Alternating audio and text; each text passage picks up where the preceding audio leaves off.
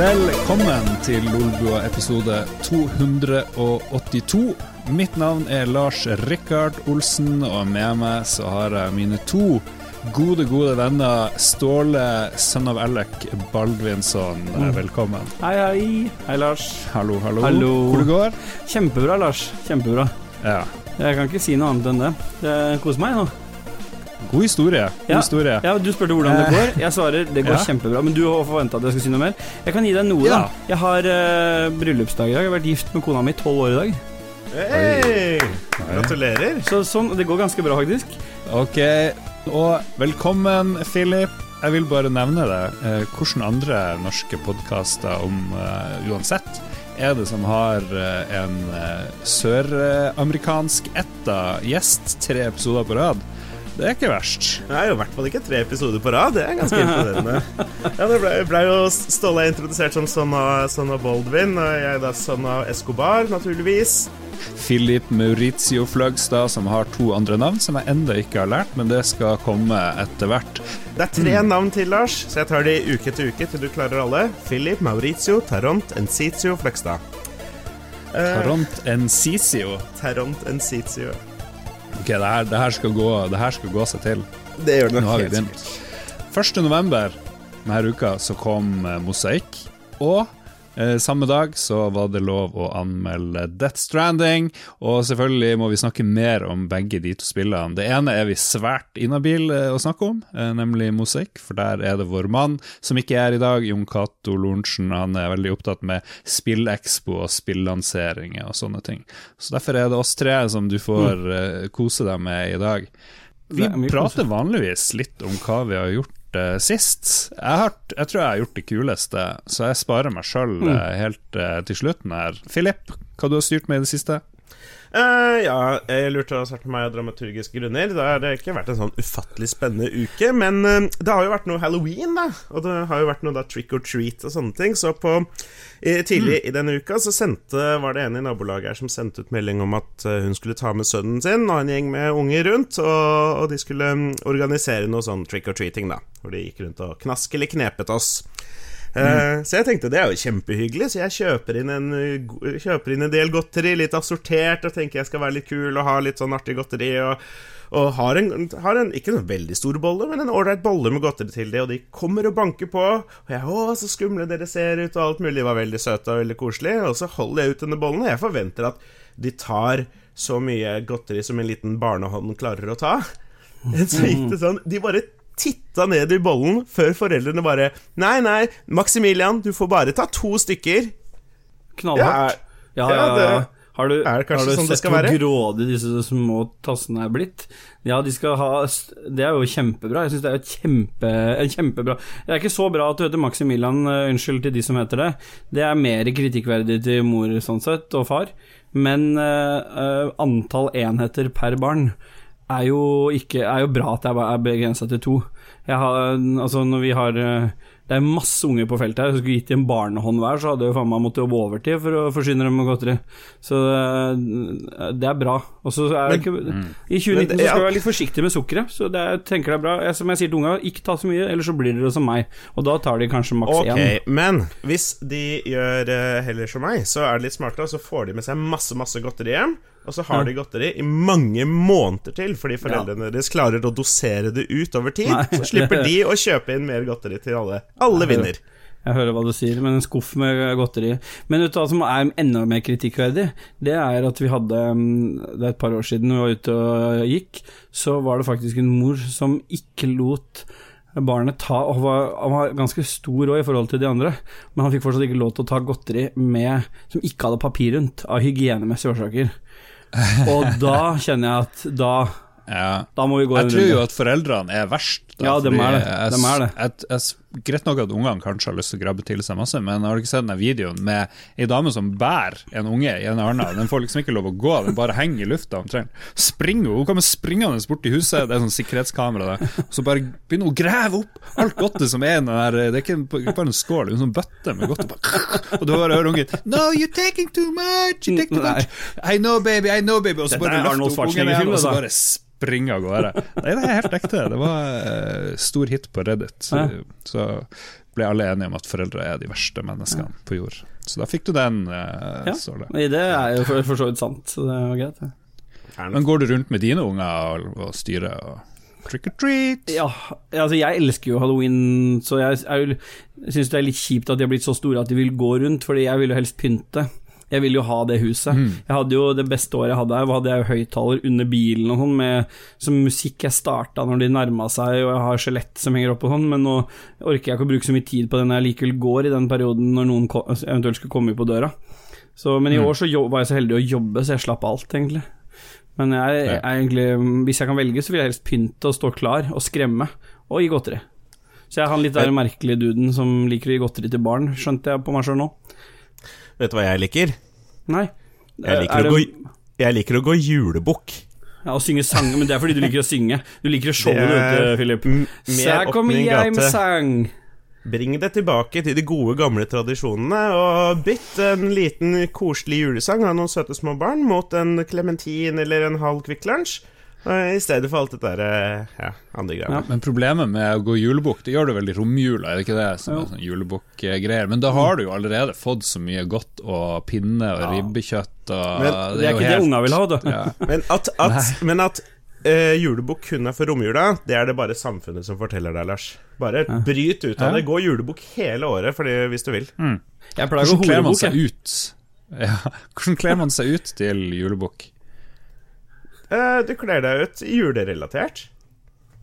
Julepynt. et, Julepy- Juletre? Jule- Så nå skal, jeg, jeg skal kanskje innrømme at det er en liten stund siden jeg gjorde det sist, men det var litt sånn rød luer og Ja, julerelatert. Ja.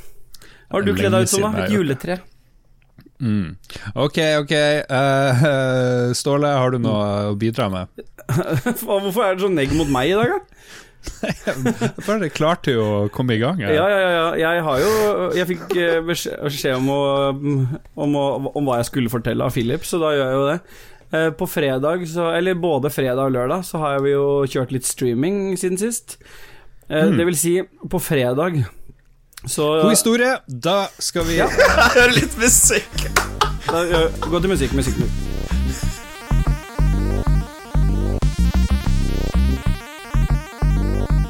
Kødda, kødda. Det hadde vært perfekt å gjort det. Ja, det hadde vært morsomt. nå, må du, jo- gå for den. Nå må vi nesten gjøre det. Jeg kan dempe musikken. Ok, vi demper musikken. Ok, Fortell, Ståle. Oi, oi, oi. Ja. Nei, jeg skulle ikke si så mye annet enn at vi hadde streama fredag og lørdag. Det var det som var intensjonen, men nå falt den historien litt i grus. Hva vi streamer? Kom igjen, Ståle. Nei, Hva vi streamer for noe? jeg, jeg skal ikke være sur. Nei, jeg, Vi vi, gjorde- nei, det må vi bare la gå. På fredag så skulle, hadde vi jo markedsført stream med meg og Lars Nei, meg og Lars, jeg, meg og Christian, som skulle kjøre noe halloween-stream. Og så skulle vi Det gikk bra. Ja, du for- forgriper eh, begivenheten her, hvis det er lov å si. Fronta det, vi skulle ta med oss noen patrions, noen, eh, de som er på topptier i backinga vår, både et par produsenter og en nerd og noe annet rask. Vi var, åtte, vi var totalt åtte stykker, og så skulle dette streame Jeg tenkte nå skal jeg teste å få kobla webkamera på Xboxen, i og med at jeg ikke bruker eh, PC eller Mac til å spille på.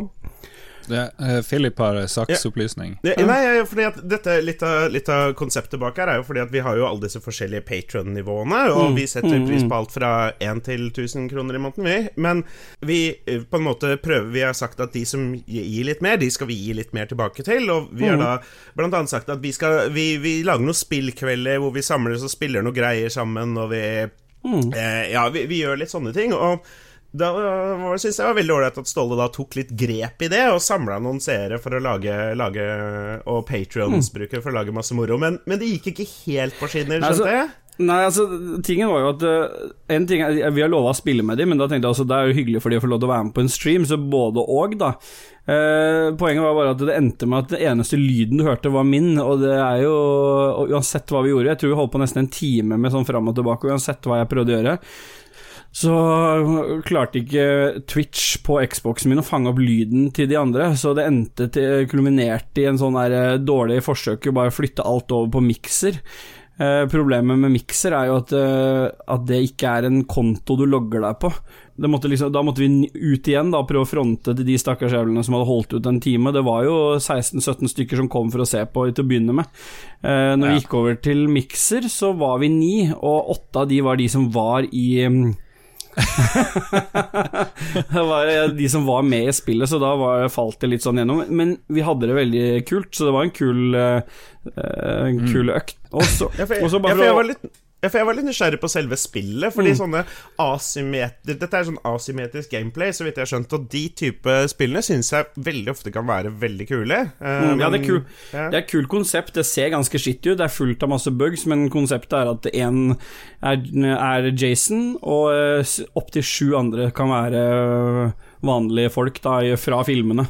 Og så er det om å gjøre Og Jason skal ta livet av de andre, og de eh, resterende skal flykte. Det kan de gjøre enten ved å ringe til politiet, og, eller prøve å reparere en bil eller en båt, og så stikke derfra, da.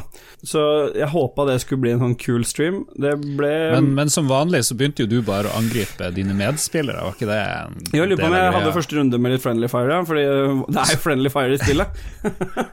så, så ikke så mye båtbygging og bilreparering det jeg var innom. Nei. Det var mer sånn legge ut uh, reve, nei, sånn bjørnefelle for de andre i gruppa. Sånn Høres riktig ut, Lars. Det høres riktig ut.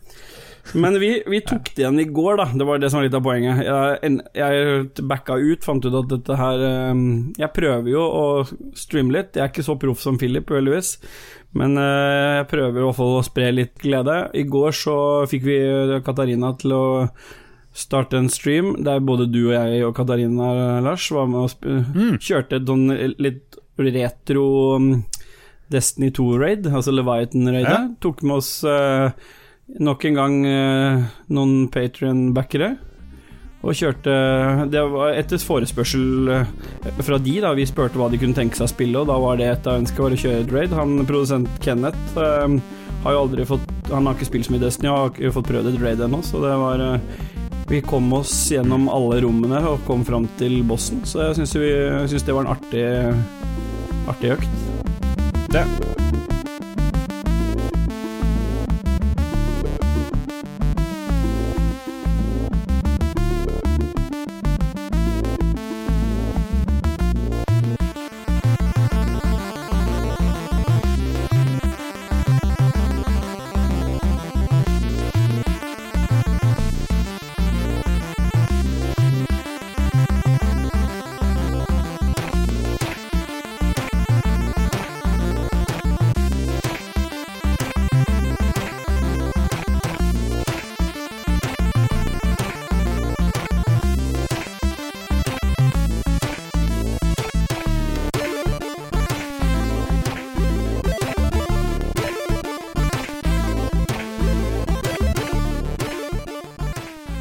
Skal snakke om det vi har spilt i det siste. Ståle, du har eh, kjørt på. Philip har kjørt på. Jeg har spilt Death Stranding. Kan uh, spare Vet du hva vi glemte? Hva ja, det var det du spar... Jeg skulle ja. si det, du, du, sparte det beste til slutt, og så tok du det ikke med. Vi skal ta den på slutten, ja, av, på slutten av sendinga, kanskje. Det er, det er, så bra det han har gjort, at vi vi må, kan ikke ha det med i segmentet engang. Vet du hva, jeg bare løy. Uh, da jeg sa at jeg hadde gjort noe veldig gøy, uh, det mest, morsomste, så har jeg ikke det. Jeg har bare reist, vært på møte og sånt, men det som var litt gøy, det var at jeg var på Holmenkollen mm. mandag til onsdag, så bare krydda det plutselig av politi. Politi politi, politi. Da jeg skulle på do, så var det politi. Kom de med sånne speil og skulle sjekke om det var bombe på dassen jeg nettopp hadde vært, og det var hunder, og det var, det var fire politibiler, og det var masse sivile politibiler og sivile vakter. Og bare OK, jeg har vært og møtt hva heter, statsministeren, og da var det et par sivilpoliti og kanskje vanlig politi og litt sånn. Her var det bare tok det helt av, så det måtte jo være noe sånn sultan av Brunei eller noe. Men nei da, det var kronprins Haakon, det var dronning Sonja og kong Harald som var og spiste lunsj eller et eller annet på noe som heter Lysebu anbefaler å dra opp dit eh, og spise middag. Og veldig fin utsikt nedover eh, mot Oslo på en eh, vakker høstdag. Og så har de sånn verdens sykeste vinkjeller med vin til 110 000 kroner og sånne ting. Så det er ganske fancy, da. Og, Ikke for å punktere de- historien din nå, men, men er, Ja. er fokuset på historien din at du nesten møtte kongen? Ja, ja. Ja, for det blir liksom nesten- sånn der når de intervjuer sånn- noen som var i nær Eller som hadde akkurat dratt før den store stormen kommer nå. Ja, tenk, hva skjedde? Mm. Hva følte du da hvis du hadde vært der et døgn til? Nei, det hadde jo vært Det er litt sånn, du er litt der nå. Mm. Ja. Nei, men Det var jo litt spennende, så nesten møtte kongen. Men omtrent like spennende så var det jeg var i Båtstua, på samme plass der Lysebu, for det er et svært eh, basseng der, med, med ditt og datt, blant annet badstue, og der møtte jeg en profesjonell astrolog. Ikke astronom, som Nei, jo har eh, faktisk utdanning, men en astrolog eh, som lager horoskop og, og sånne Å, ting. Nei. Og så tok det vel tre minutter eh, med prating før det dreide seg inn på Donald Trump. Og hvordan han var misforstått, og hvordan vi eh, Jeg sa at jeg var journalist, jobba i media. Hvordan vi, eh, vi feilfremstiller eh, Donald Trump. Og det er jo mye bra i tillegg til en del dårlige, mente han. Så spurte jeg ja, hva, hvilke bra ting er det Trump holder på med. Nei, han eh, får jo bedre lønninger til folk, og får ned kriminalitet. Og jeg bare Er du sikker på de her tingene du snakker om? ja, ja, ja. Du må bare lese de rette, rette nettsidene. Breitbart og sånn. sånn. ja. Ja. Så møtte nesten kongen. Jeg følte at eh, Har dere vært bra. nærmere kongen noen gang? Jeg var Nei. sikkert bare 20 meter unna. Nei, jeg- det har jeg ikke. Det, ikke. det var bra, Jeg Lars.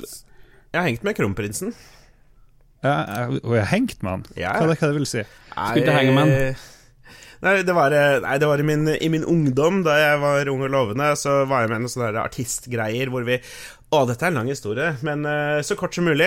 Uh, jeg var med i en sånn artistgruppeting som vi var på audition, og så ble vi plukka ut til å dra og representere Norge på sånn der multikulturelt greie nede i Afrika. Og så turnerte vi rundt i Afrika i en måned med liksom noen folk fra liksom hele verden, og så lagde show. Og så kom de afrikanerne på et tidspunkt til oss, til Fredrikstad, for å ha en sånn derre Her i Norge så uh, er eh, ja, bla, bla, bla, alle kulturer, og sånn er det å være sammen og dele kultur og hele pakka. Og da dukka kronprinsen opp. Det ble sendt på NRK, så det tror jeg faktisk ligger der ute. Så hvis dere vil se meg med eh, i semi-afro, eh, bar overkropp, eh, hoppende og dansende rundt, og få kronprinsen til å Wow. foreslå noe freestyle-rappe, så ligger det ute på NRK et eller annet sted, tror jeg. Wow. Nice. Vi skal snakke om det vi har spilt i det siste. Jeg har spilt litt Mosaikk, det nye spillet fra Jon Cato, og jeg har spilt eh, veldig mye Death Stranding. Som vanlig sparer vi det beste til sist, så eh, da kan det være litt random. Er det Philip eller Ståle som begynner? Philip, One Finger Death Punch, hva i guds navn er det? Aldri hørt om. Ja, nei, altså, jeg har jo En gang iblant så er det veldig deilig å bare slappe av med noe veldig enkelt og, og artig. Og da spiller jeg One Finger Death Punch. Det er et spill som, eh, som ligger på Steam. Eh, Det er eh, ganske billig. Jeg husker ikke helt hvor mye det koster, men det, det er ganske lite. Det handler eh, enkelt og greit om å du, du spiller en type sånn eh, stikkefigur, ser for deg. Og så tryk, bruker du egentlig bare eh, piltastene til å slåss med. Og det som skjer, er at det kommer masse folk mot deg fra høyre og venstre eh, hele tiden. Og så trykker du på en måte høyre, venstre, høyre, venstre, høyre, venstre for å på en måte slåss mot disse folka og dukke og litt sånn sånne ting, da. Og så pluk, plukker du opp litt våpen som de bruker, og så kaster du tilbake på de. Og så, ja, litt sånn, sånn kan du få litt power-ups og sånn. Og det er veldig enkelt gameplay, veldig simpelt, men det ser ganske artig ut. Det er en veldig sånn, kul grafisk stil. Og så er det et sånn type spill som jeg kalte for um, Hva er det jeg kalte for metadonspill på min hardeste World of Warcraft eh, når det var min crack, holdt jeg på å si. Noen ganger så må du bare kjøle ned hjernen med noe helt annet. Og da kan One Finger Death Punch være litt artig. Bra. Philip eh, har spilt One Finger Death Punch. Ståle, du har gjort noe mer skumle, skumle jeg greier. Jeg har det. Jeg har spilt uh, Luigi's Mansion 3.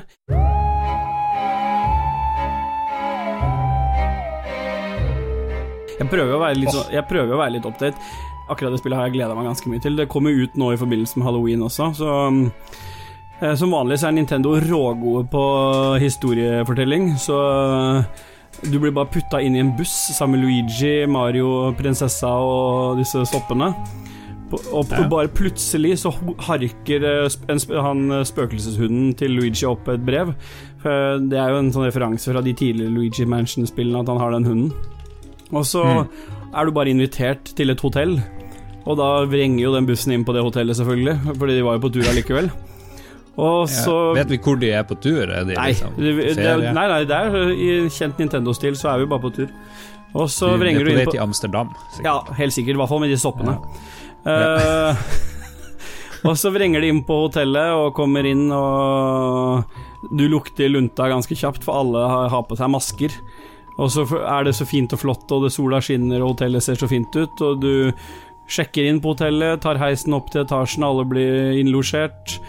Og så har du, kan du gå rundt og se, og det er bare hyggelige ting som skjer på hotellrommet ditt. Det du kan velge er veldig kos. Du legger deg til å sove, og våkner opp av at alt er blitt snudd på hodet. Alt er mørkt og dystert. Ballongene som hang der når du kom, er blitt skumle, og Luigi lister seg ut på gangen, går bortover gangen med en skjelvende stemme. Mario!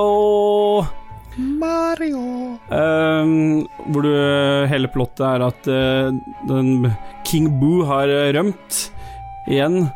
Og har nå fanget alle vennene dine i sånne bilderammer, og har planen om å fange deg også. Men selvfølgelig unnslipper du, og derfra starter spillet. King Boo er han der Han svære, svære spøkelsesballen. Sjefsspøkelse. Sjefsspøkelse, ja. Så han eh, sammen med hun hotelleieren, som også er spøkelse, selvfølgelig, så begynner du Og det som er kult med det spillet, er at de andre Luigi Mansion er jo på en måte Det er jo et mansion, her er det jo et hotell, så her må du på en måte Litt av konseptet er at du jobber deg oppover i etasjene med masse forskjellige De er ganske variert, de forskjellige nivåene. Så langt har jeg vel spilt en seks-sju timer. Og det er ganske variert i Det er Nintendo, så det er masse collectibles og masse Masse variasjon i de levelsene. Mye kule bossfighter, mye ny, litt sånn ny mekanikk i, i den eh, støvsugeren til Luigi. Men det okay. som også er kult, det er at um, du ganske tidlig i spillet får med deg Guigi, som er Luigi sin uh, gelétvilling. Eh, han, kan du, han kan du alene eh, spille som at du kan eh, swappe imellom de, det vil si at du kan, han kan gjøre en ting mens du gjør noe annet, så du kan liksom multitaske med han. Fordi Guigi han kan gå gjennom gitter og sånne ting, for han er jo bare en geléklump, så han drar seg jo gjennom alt mulig. Men det morsomme er at han kan spille, hele spillet kan spilles coop med han. Så når med en gang han dukker opp, så har jeg nå de siste timene har jeg spilt med guttungen på åtte. Og øh, vi har hatt det kjempemorsomt. Fordi du, Guigian tåler ikke å gå i vann, f.eks. Da bare blir han til en geléklump igjen, og så fyker han tilbake i sekken din. Men han, har jo, han kan gjøre ting som ikke Luigi kan, så du når andre steder av øh, brettet da, ved å være Guigi. Og så er det kult at du, du da kan samarbeide om bossfightene, for han har alle de samme egenskapene som Luigi har. Han har støvsugeren, han har lyset, han har liksom alt det du, du trenger. Sånn at når det er når det, i de store bossfightene, så kan vi stå, spille, spille sammen. Så det har vært kjempeartig. Så vet jeg også at det er en online-del til spillet, men jeg har ikke testa ut ennå. Så langt så anbefales det virkelig. Det har vært kjempeartig. Det er jo Nintendo-skjerm på sitt beste. Jeg tror det så, så langt så liker jeg det bedre enn Mario Odyssey. Mm. Det er litt Jo, jeg har litt lyst til å prøve det, men jeg var litt usikker på hvor mye nytt det var. Jeg følte at det forrige Ja, det forrige var ganske- var Det som er kjipt med Luigi's Ja. Mansion 2, det var jo for det første at det bare kom til Nintendo 3DS. Eh, For det andre så, så var det mangla det litt av det der som det første spillet hadde, altså med disse bossfightene. Den variasjonen i de forskjellige bossene. Og det er det tilbake igjen til her. Så det er mye Men så er det også en del puzzles. eh, som er sånn ikke altfor vanskelig, men akkurat morsomme nok til at du skjønner at du må liksom bruke kombinasjonen av Luigi og Guigi. Da. Du har også spilt eh, Outer Worlds, som Jon Cato snakka litt om i forrige uke. Han sa jo at det var eh, en slags oppfølger til eh, Fallout 3. Mm. Veldig mye likt, men han syntes ikke det var nok nytt. Men han syntes det var ganske trivelig og koselig Mm. spill. Er du enig med han? Jeg hørte hva han sa. Det som er fordelen min kontra Yonkado sin, er at jeg har ikke Jeg har nesten ikke spilt de Fallout-spillene som Eller i hvert fall ikke tre eller New Vegas. Den Mm. siste Fallout-spillene jeg spilte, var én og to, det der ovenfra ned-utgaven. Jeg, jeg trives ikke i den der postapokalyptiske Fallout-verden. Så, når, eh, så, for meg så har jeg ikke noen hadde ikke noe særlig forhold til, til det. Jeg syns det er litt sånn Jeg er ikke så glad i den RPG-sjangeren heller, men jeg har kosa meg skikkelig. Jeg har blitt ordentlig bitt av den uh, Outer Worlds-basillen, for jeg tror det er det sci-fi-elementet. Uh, du, du, får jo det, det, du får ditt eget skip, da, du, så det er masse variasjon i de stedene du er på. Du kan ha, få med deg masse folk underveis òg, som kan være med deg på skipet. Da. Men det er også avhengig av hvilke valg du gjør, for jeg har snakka med en kompis av meg som også spilte. Han har med seg en i, uten å spoile noe som helst, han har med seg en i flyet som jeg har endt med å ta livet av. Sånn helt fordi jeg tok ja. et annet valg. Så, ja. Men er det sånn som uh, Mass Effect, at de bare henger, henger i skipet, og du kan fære og prate nei, med dem? Nei, nei, nei. Det er, de er med deg ut på oppdrag. De, du kan velge å ikke mm. ha med noen av de, du kan velge å ha med maks to. Men da er de, de er, Det er så gjennomført ja. at da er de også en del av dialogen, som, at de plutselig blander seg inn i det som ble sagt i dialogen. Og de, ja. du, de har Men sånn er det jo i Mass Effect òg, de blir jo med deg på missions. Men de, har, de gjør jo skade, men du kan også kommandere de til å ta enkelte fiender, og du kan også sende De har også sånne special attacks som du kan uh, aktivere um, på vegne av de, da. Altså du liksom sender de på han med et sånn special move og sånn. Jeg sjekka nå sist, så jeg har spilt 16 timer. Og da Hun, hun ene hun er med hele tida, bare fordi at har liksom, hun har vært med fra starten. Så har jeg tatt noen sånne valg, så det føles liksom ut som naturlig at hun skal være med på turen. da det er såpass bra gjennomført at du, føler, du føler liksom Du blir liksom lever deg veldig inn i spillet og i karakterene.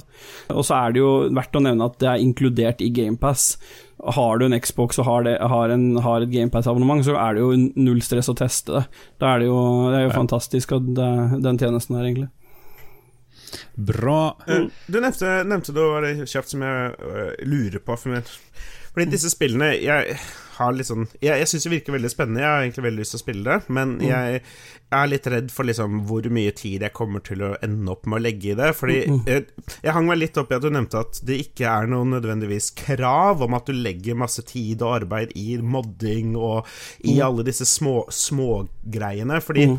det vil jeg veldig gjerne skippe, alle disse mm. typiske RPG-elementene som folk er så glad i. Og det er jeg enig med deg jeg, jeg, tror nok du og jeg liker der. Jeg, jeg liker rene spill som ikke, meg, som ikke ber meg om å lute. For jeg, blir, jeg ender opp med å bli, Jeg blir jo med på den karusellen. Jeg ender opp med å gå rundt og lute og gjøre alle tingene, og så ender jeg opp med å ikke runde det. Fordi at, um, så jeg bare Jeg tok det valget at jeg bare vet du, jeg driter i det. Jeg setter letteste vanskelighetsgrad på det spillet heter story, så da er det lagd sånn at du bare skal få med deg historien. Og jeg trykka på det.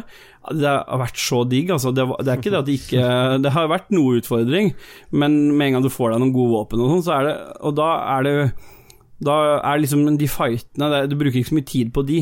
Det er mer tiden på å få med deg historien og få med deg spillet. Så for min del, som jeg heller ikke er så glad i det, så er jeg bare da kan jeg anbefale det, hvis man ikke er glad i det, men har lyst til å få med seg spillet. Så bare velg det letteste, den story-delen, mm. for da er det tilpassa det. Det er så mange spill som kommer nå, at hvis ikke du tar noen sånne grep, så har du ikke tid til å komme gjennom det. Så sånn sett så er det jo en fin mulighet. Ja. Hva har du spilt, okay. Lars? Hva har du spilt, Lars?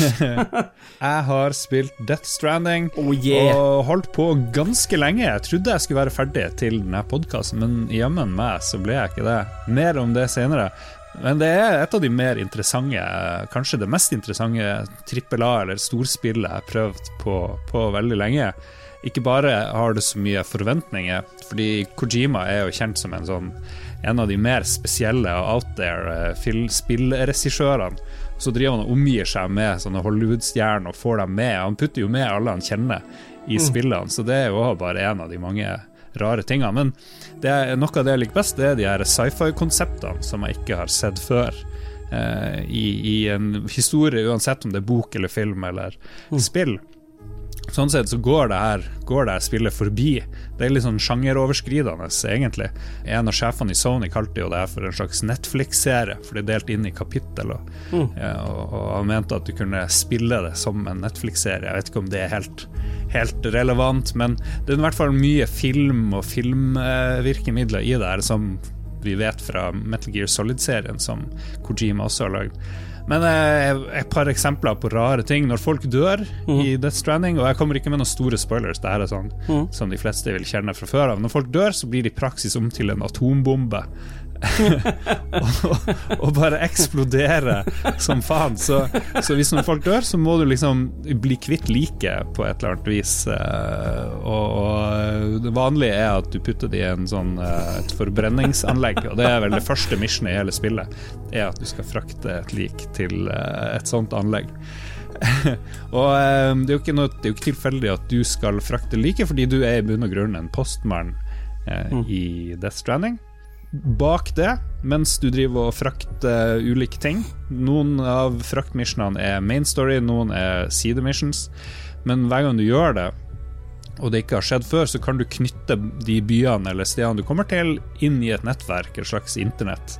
Fordi alt har jo, alt har jo gått til helvete her. Det har vært eh, apokalypse, og, og det, det er ikke så mye sivilisasjon igjen.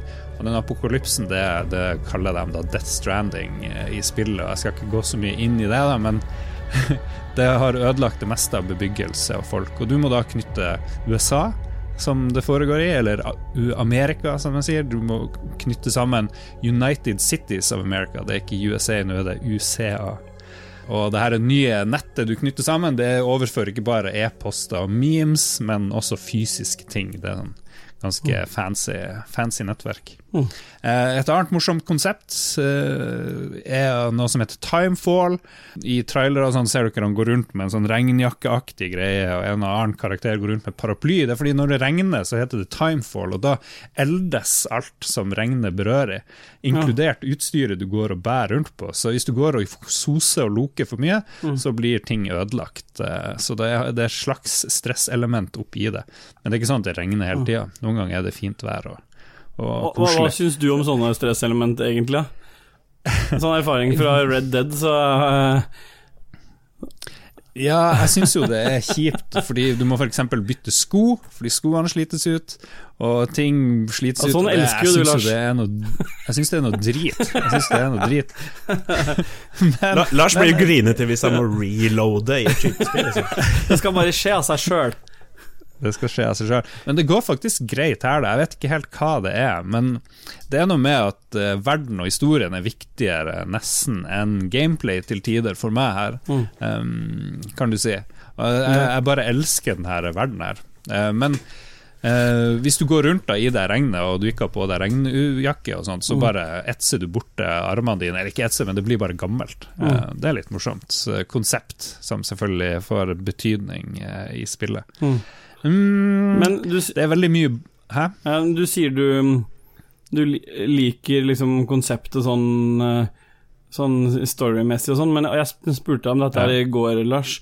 Hadde du likt det så mye? Liker Hvor mye av, hvor mye av interessen og gleden av spillet er fordi det er et Hidio Kojima-spill? Ja. Hvor mye Ja. verdi gir du Hvor mye ekstra verdi gir du spillet basert på det? For hvis det var et fra en du aldri har hørt om før, som hadde gitt ut dette her, hadde du dømt det annerledes, tror du? Jeg klarer ikke å ta helt stilling til det, fordi det er så tydelig Kojima hele veien. Det er, Hvis du har spilt Metal Gear Solid, så, så merker du etter to minutter at det her er Hideo Kojima. Og, og sammen med, med verden, den minner veldig mye om den åpne verden i uh, Metal Gear Solid 5. Det, er, det er jo de samme folkene han har tatt med seg mye, så menyer og lyder og animasjoner nesten til og med òg, er, er Metal Gear Solid 5. Hvor er Kidder. Sutherland, da? Kiefer Sutherland er jo Norman Reedus som er bytta ut. Okay. Og det, er de, det, er liksom, det er ikke så stor forskjell mellom Nei. Snake kan du si, og hovedpersonen her, i og med at de snakker ikke så veldig mye. Det er veldig mange som snakker til deg. Mm. Eh, Det er liksom eh, Enn så lenge, i hvert fall. Nå har jeg jo ikke fullført eh, spillet. Men Lars, Men ja, ja. ok. Jeg må på en måte representere alle lytterne, alle menneskene der ute, inkludert meg selv, som, Som er latino. Så kan, som kanskje ikke vet at de lurer på dette her, men det er det de lurer på. ja vel. Fordi okay. jeg, jeg hører, jeg hører på deg snakke om dette spillet, og jeg har lest litt om det, og eh, spørsmålet er todelt. Stemmer det inntrykket jeg har om at gameplayet, altså det du gjør i spillet Fordi alle snakker om på en måte hvordan det ser ut, hvordan det føles, hvordan det lukter, hvordan det, liksom, det påvirker sjelen din, men det du gjør i spillet, er eh, Har jeg forstått riktig at det er på en måte for det meste å gå fra A til B? Og da oppfølgingsspørsmål Er det gøy? Vi stiller Ja, litt i veggs ja. nå, Lars. Jeg vil si, uh, jeg vil si ja. Um, det er jo mange som med sånn uh, Å kalle et spill en walking simulator er jo et slags skjellsord uh, for mange. Du ser for deg at du går eh, rundt omkring. Eh, du tar kanskje med deg en ting fra A til B, eller du skal, du skal snakke med noen, eller ja, oppleve noe underveis. Og historien er det viktigste, det er ikke gameplay, og det er ikke mekanikk eller taktikk og sånne ting. Men man kan jo se, tenke på f.eks. Metal Gear Solid 5 som en walking simulator. Du går jo rundt og gjør missions. Du går fra en base til en annen. Men forskjellen er at det er veldig fokus på kamp og skyting og, og sabotasje og spionasje. Her er det å levere greia fra A til B. Men ellers rundt er det samme. Det er en del kamp, og det er en del sniking, og det er taktiske avgjørelser. Fordi du kan f.eks. ikke gå overalt hvor du vil. Det er store fjell i veien, det er eh, elver, det er fiende her og der, så du må planlegge en rute og ta med deg det rette utstyret du mener passer. Og Så kan du velge om du, hvor aggressiv du skal være, eller om du skal prøve å snike deg unna. Eh, Du kan ta med deg stiger, og du kan ta med deg tau, som gjør at du kan rappellere ned eller klatre opp eh, plasser. Og det gjør, verden ganske levende. Og jeg husker de stedene jeg har vært på mye mer enn andre spill. Jeg kan se for meg å tegne et slags kart i hodet Men er over de mange, mange kilometerne jeg har gått rundt i det gigantiske spillet, og det får du ikke hvis du bare eh, Nei, og grunnen til det, da, grunnen er til det er at eh, en liten stein kan få deg til å snuble helt i starten, når du har ganske dårlig utstyr og ikke kan spille så godt. Så plutselig tryner du, og så detter alle pakkene dine ut, og så får de skade, og så må du plukke opp igjen, og så føler du deg litt dum. Og så du må gøy. planlegge å gå rundt åskammen sånn, eller du må gå rundt de store steinene osv. Og det, gjør, det gir deg en helt annen feeling. For vanligvis, sånn som i Witcher, det er jo bare å springe rett frem uansett. Du kan aldri snuble, liksom. Men sammenlign med Metal Gear Solid 5 igjen, Fordi det, den liker jeg. Det er et spill vi mange har kjennskap til, og det er jo Jeg lukter at det er mye samme greia. Og I Metal Gear Solid 5 så var det jo et gigantisk liksom, område du var på, hvor du har masse forskjellige små baser og masse forskjellige liksom, ting. Og Ja. eh, ofte så liksom, var du ett sted på kartet, og så skulle du til et annet sted på kartet og gjøre noe spesifikt der. Ta ut en fyr, eller et eller annet sånt noe. Og for å komme deg da fra A til B, så måtte du jo liksom ri på hest eller liksom løpe eller whatever, og så måtte du passe litt på hvor du gikk og sånne ting, for det var jo noen sånne eh, ja, ja, Ja måtte passe litt på, på en måte, men poenget var liksom å komme seg dit hvor du skulle gjøre oppdraget, og så gjør du oppdraget. Um, er det sånn Death Stranding er, bare at når du kommer frem, så leverer du en pakke i stedet for å faktisk gjøre noe gøy? Og, men turen er det gøye. Turen Ja. er det som er gøy. Og målet er å endelig være framme og bare kjenne de gode lydene som bare Endelig at du har levert- du har levert det du skulle. velkommen ditt og datt. Ok. Men jeg, jeg, jeg har gått øh, Det var merkelig, Lars, det er at jeg har gått fra å tenke at det gidder jeg, det her tror jeg jeg skipper, til å høre Ja. deg snakke om det, nå til å tenke ja, det her kan jeg, det kan jeg like. For jeg skjønner litt hva du mener, hvis vi, den følelsen av å få levert øh, jo, levert eller gjennomført den øh, oppgaven du har satt til å gjøre. Men, mm. men øh, apropos sånn, sånn vanskelighetsgrad og sånn her, mente noen snakka om at det var noen sånn story-mulighet her også. Er det noen valgmulighet, er det noen grunn til å velge noe lettere vanskelighetsgrad i det spillet her?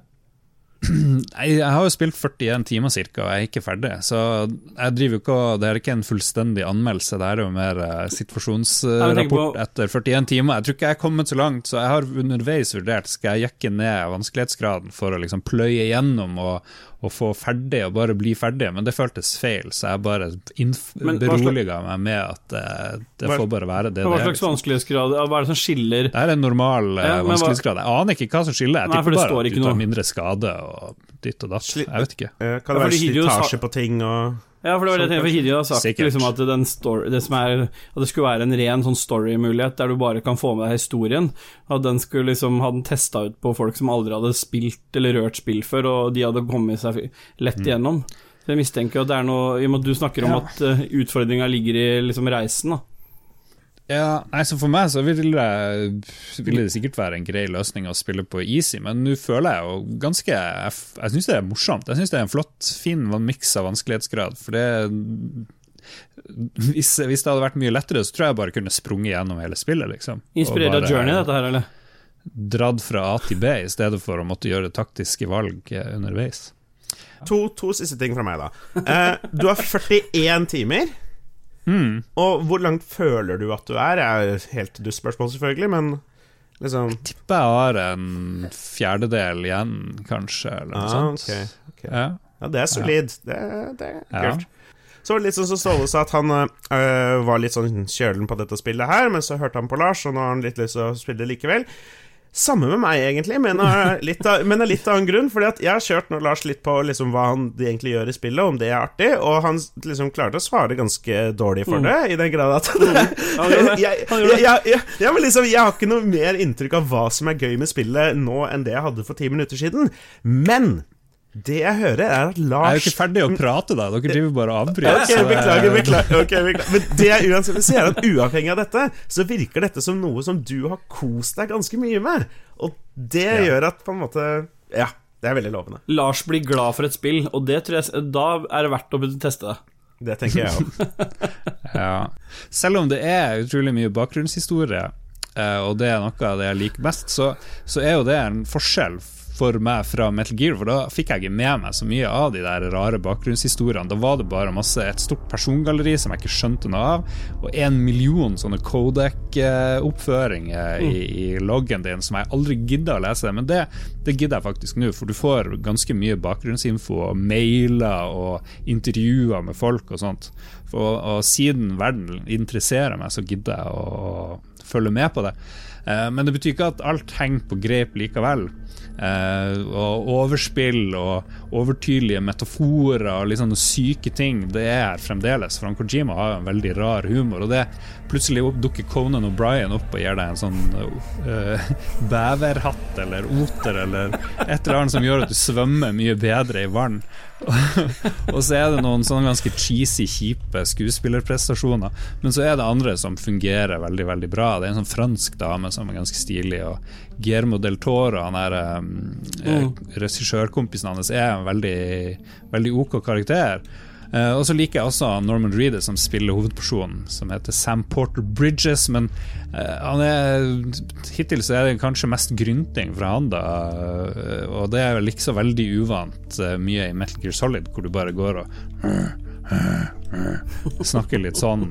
Jeg skal ta og avrunde med å si at selv om det er en, en walking-simulator, så er det, er det så bra, det kartet, da. Jeg har aldri sett en verden så fin og vakker som det her slags eh, øde islandsinspirerte området. Det er en sånn vulkansk, veldig lite vegetasjon. Og, du spiller på Pro og, og 4K-TV nå? Pro og 4K-TV, og det ser så sykt bra ut. Det er helt mm. vilt at den gamle gamle PlayStation 4 klarer å presse ut så, så fin grafikk.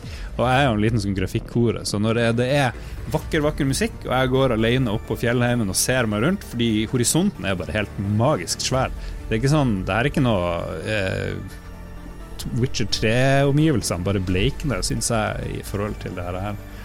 Så det, det er jo òg en karakter, egentlig, i spillet. Det her eh, naturområdene. Og så er det bra musikk fra eh, Hideo Kojima sine nye favorittmusikere. Det er jo noe greier fra Island, så du blir veldig godt vant til bandet Low Roar. Så dem, dem får du jævlig mye, mye ut av etter hvert. Lokalt band fra men, Island, det lover bra. ja, men hvis du elsker tur i fjellheimen og tung ryggsekk, så er det liksom et slags drømmespill. Men jeg er jo ikke noe turmenneske, men jeg får jo nesten lyst til å bli det etter å ha spilt uh, Death Stranding. Eller kanskje det er postmannen jeg egentlig har lyst til å bli. Jeg vet ikke. en kombinasjon, ja. Men, men, etter 20 timer så var jeg helt frelst. Elska å ferde rundt og bygge ting, og for det gjør du òg. Du kan bygge bruer og, og liksom forskjellige saker, og, og, du får veldig mye utstyr. Og Det er, liksom, det er litt spoileraktig å fortelle om alt det utstyret, men det gjør, det gjør at du beveger deg rundt i området på helt nye måter. Eh, og så er det sånn, Hvis du går en vei, og andre spillere går en vei, så kommer det en sti der etter hvert. Det er jævlig gøy. Og jeg skjønner godt at det splitter folk. Noen hater det, f.eks. de her Giant Bomb-folkene. De bare hater det overalt på verden. Men eh, av en eller annen grunn så er jeg en av de som, som liker det. Så eh, jeg ville bare sett mye gameplay-videoer hvis jeg er veldig i tvil. Men hvis du vet allerede at du skal kjøpe det her spillet, så vil jeg bare drette i alle anmeldelser. Så bare eh, gå inn med så, så lite kunnskap som mulig. Mm. Yes! Nice. Det er et stort spill, da. Det er et veldig stort spill. Og det er så mye rart å gjøre, så det er vanskelig å føle at man får sagt det man burde, burde si om det. Vi har også eh, fått høre, og kanskje noen av oss har fått spilt, Mosaikk, det nye spillet fra Krillbite, som Jon Cato er sjef for. Um, jeg har spilt så mye Death, Death, Death Stranding at jeg har ikke rukket å gjøre så mer enn å teste en times tid med Mosaikk, men jeg syns det er et sykt vakkert spill ganske imponerende uh, verden de har laga. Jeg har aldri sett grafikk akkurat på den måten, og, og, og, figurer på den måten. Det handler jo om en uh, kis som går på jobb hver dag, virker litt uh, deprimert. går til med dress og slips og, og, inn på å produsere noe som han tydeligvis mener er litt meningsløst. Og så skjer det ting da som, som er litt merkelig mm. i denne verden. Jeg får litt sånn, jur, sånn limbo og, og mm. eh, Ja, hva det heter? Limbo og, og inside-feeling mm. ut av det, med at det er veldig stilisert, og det er bestemte vinkler du ser ting fra. Men det er ikke platt, et plattformspill, sånn sett. Men det er veldig variert, og det er noe nytt hele tida, så du blir ganske overraska. Og, og, en veldig fantasifull og frodig verden som jeg gleder meg til å spille mer av. Selv har jeg testa det på Apple TV kobla til en mm. Xbox-kontroller via Bluetooth, det funker skikkelig bra. Så da er det jo nesten som å, som å ha det på konsoll allerede, strengt talt. Uh, og det samme kan du gjøre på iPaden og telefonen din, koble til en kontroller og spille det sånn. Så hvis, hvis, du bare har muligheten til en av de, så er det jo sånn sett lett å få, og ganske rimelig å få testa ut uh, spillet nå. Men det er ikke eksklusivt til Apple Arcade, så det kommer i løpet av kort tid til PC, og litt etter det så kommer det til konsoll. Jeg liker stilen veldig godt. Du blir veldig sånn slukt inni den der eh, verden. Jeg, jeg merka med en gang at um, det er liksom ting her som du skal oppleve underveis, som du skal finne ut av, som du skal avdekke hva som Du starter på en måte rett i, i en seng, og så mm og så blir du ikke forklart noe, og det liker jeg litt. Så du bare Ok, hva skal jeg trykke på nå? Jeg beveger litt på joysticken, å ja, der reiser den seg opp, ja. Og så er du liksom i gang, og så går du liksom rundt, og så ser du det tikker litt inn på telefonen din. Det er et spill som jeg tror ønsker å formidle noe med eh, rundt liksom Noe samfunns... Eh, noe rundt det samfunnet vi, lever i. da Så jeg tror nok det er liksom Du må gå inn med den innstillinga. At det er ikke et sånt spill du bare setter deg ned med og bare skal være sånn sånn underholdende spill. Det, det, er et budskap som ligger gjemt under her, og du, hvis det er mm. Eh, innfallsvinkelen din, så tror jeg også spillet er lettere å ta imot òg.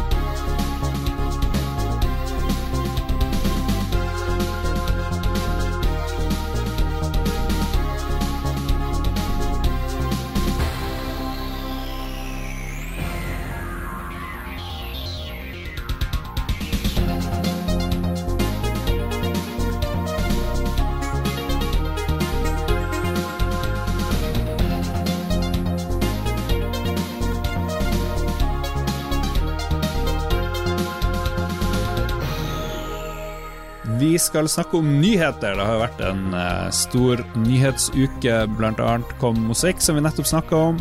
Uh, vi har òg fått oppfordring fra Kampsauen, vår nye produsent, som vil at vi skal snakke om Diablo 4, som går tilbake til røttene sine. Mørkt, blodig og dystert. Og det har vært BlizzCon, eller det er BlizzCon eh, et eller annet sted i verden. Philip, du er vår BlizzCon-korrespondent. Vi har deg på satellitt fra hvor du er henne. ja, nå står jeg utenfor Aneheim Convention Center her. Ja. Nei, jeg har um, Ja, nei, jeg har jo, jeg har jo vært en uh, stor fan av uh, det beste Blizzard har gjort i veldig mange år, fram til uh, sånn 10-11 måneder siden, uh, når de plutselig ble onde og slemme og begynte å gjøre alt feil. Um, men jeg har jo fulgt med litt rann, uh, for å få med hva de driter seg ut på denne gangen, holdt jeg på å si. Um, uh, og det største fra BlizzCon 2019 er um, i hovedsak tre ting. Hvor to av ja. de på en måte er nye spill, og det ene er jo allerede nevnt ved at vi skal få en ny oppfølger i Diablo-sagaen, Diablo 4. Ja, og før vi går videre på det, de begynte jo BlizzCon med å unnskylde for, for den der uh, Hongkong-episoden. De drev jo og sensurerte, eller sparka faktisk, mm. og mm. utestengte en uh, Tok fram premiepenger og alt mulig. Ja, jeg tok fra en Hongkong-spiller premiepengene etter at han liksom uttrykte støtte til eh, frihetskjemperne i Hongkong, og så rant driten etter det. da Så det unnskyldte de på et vis, og det er veldig mange som er misfornøyd med unnskyldninga, fordi de følger ikke opp med noe, de trekker ikke tilbake utestengelsen eller noe sånt. Ja, ok, for Dette er grunnen til at vi må ha med meg på podkast, fordi det som egentlig skjedde, var at denne Hardstone-spilleren, han vant en, var med en turnering. Og så ble han intervjua av to kommentatorer, og de, det var de som oppfordra han til å gjøre dette her. De bare 'Kom igjen, si det nå, si det nå', og så dukker de ned og skjuler ansiktet sitt, og da sier han i Free Hong Kong, bla, bla, bla. Mm. Eh, de to de blir eh, sparka eller utestengt et år. Eh, det gjør han også. Og så kommer all eh, på en måte clashbacken fra alle fansen, og så tar det en mm. uke før Blizzard på en måte går tilbake og sier at han får likevel premiepengene, og den utestengelsen går ned fra ett år til seks måneder isteden. Eh, ja, ja. Og det var liksom noe som folk var relativt fornøyd med, for så vidt. Men det var jo det han på en måte sa i, ved åpninga på BlizzCon, er at det vi angrer på, er at vi ikke hørte på dere tidligere. At vi ikke liksom ja, fulgte opp alt det der. Og ja, jeg vet ikke. Jeg, jeg vet ikke. Det, han ja. må jo si noe, I guess.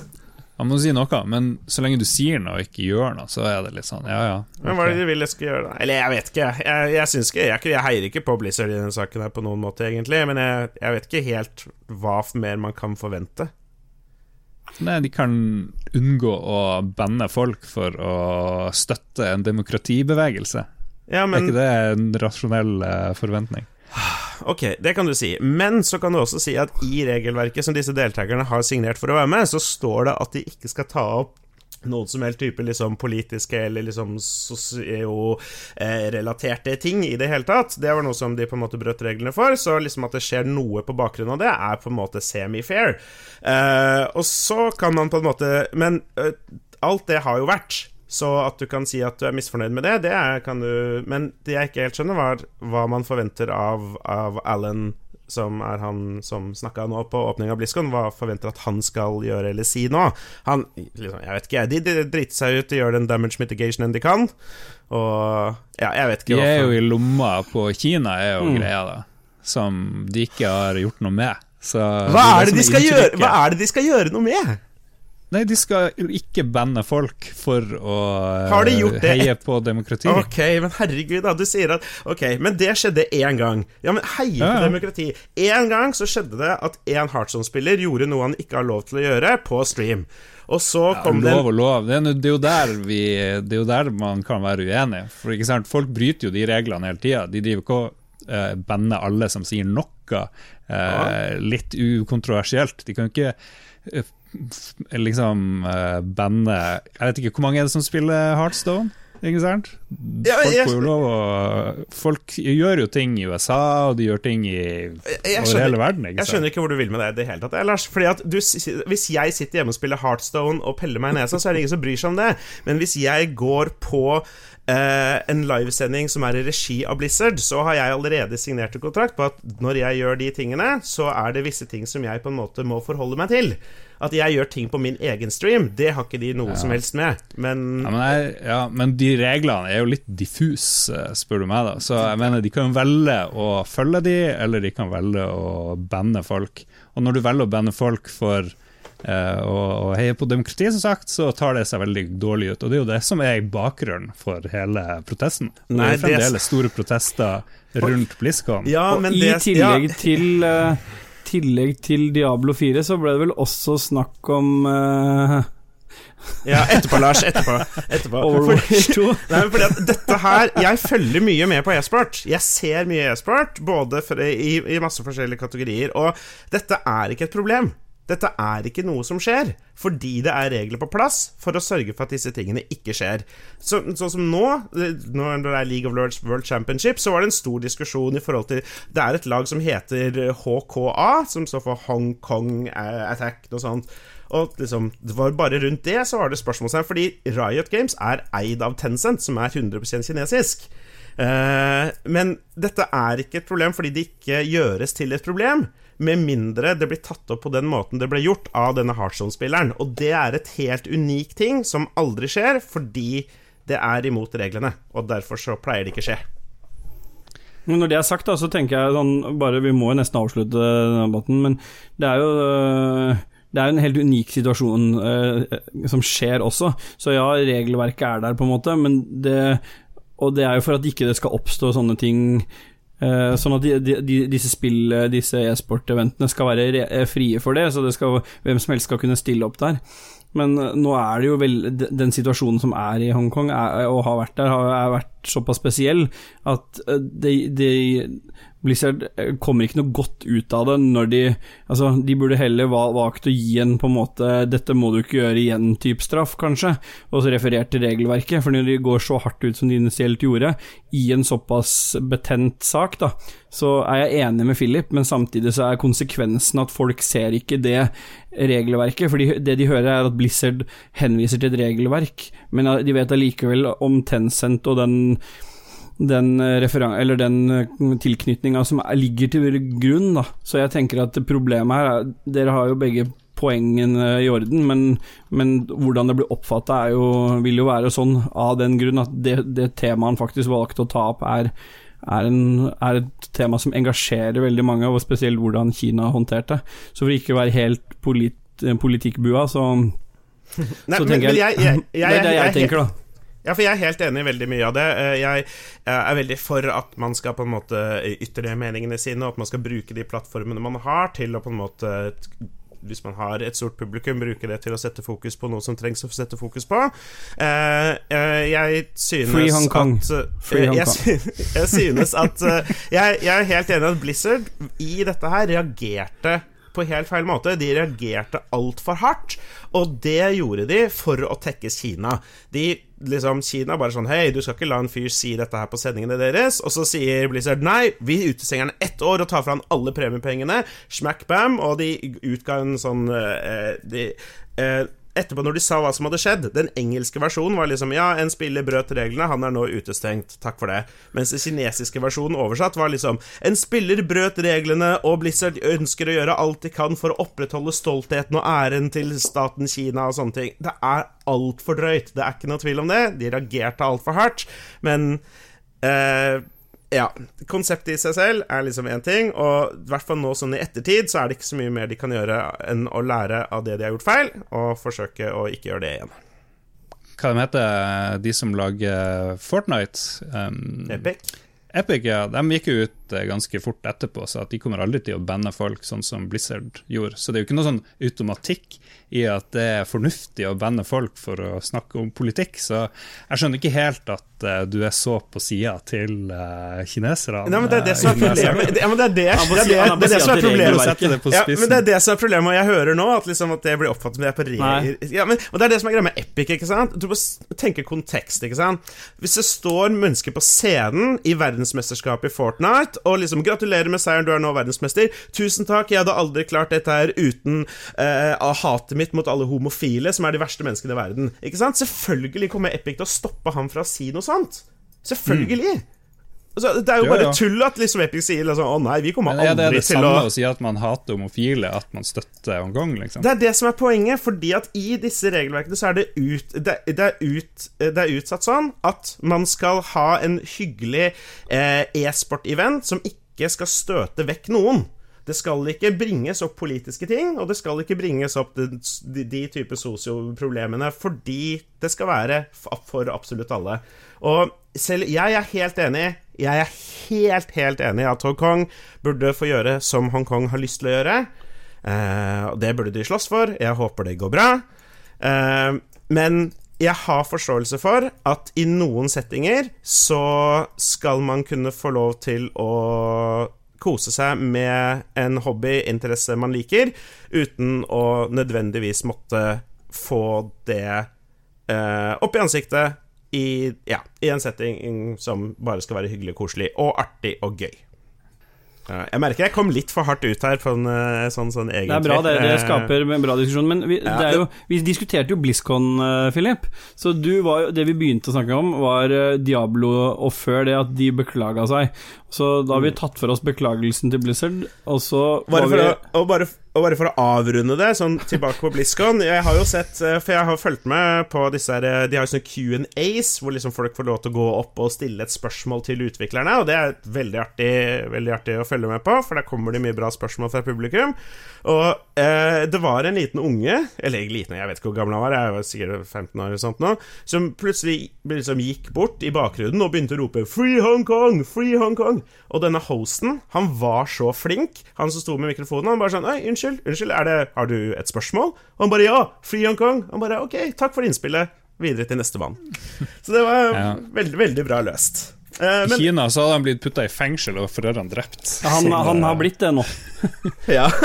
han, er sendt, han er på fly til Beijing, han. Han prøvde å logge seg han prøvde å logge, eh, Samme gutten prøvde å logge seg på Overwatch samme kvelden, og så sto bare 'You will never get this'. You will never get this. Men ok, ok. Di- Diablo 4. Diablo Ja. 4. Hvor mye Eh, vist egentlig der? Ja. De viste en, eh, en intro sånn, film, holdt jeg på å si, eh, som skal introdusere litt av storyen og hva som skjer, eh, og litt grann gameplay. Eh, men er dere noen store Diablo-fans fra før? No. Har spilt litt tre, ja. Fordi det som det går litt på, er at Diablo 2 er jo på en måte en enorm hit. eh, Står veldig sterkt i veldig manges minner. Og da Diablo 3 kom ut, så gjorde de om på en del den grafiske stilen som folk ble litt grinte på. Så eh, når de har gått litt tilbake til røttene nå, med Diablo 4 Det er mye, ja, som Kampstein skrev, det er dystrere. Det er i denne introvideoen masse blod, og det er en eller annen kjempefarlig eh, entity som har kommet tilbake fra jorda for å gjøre oss alle til eh, sine demonslaver, etc., etc., da. Originalt. Ja.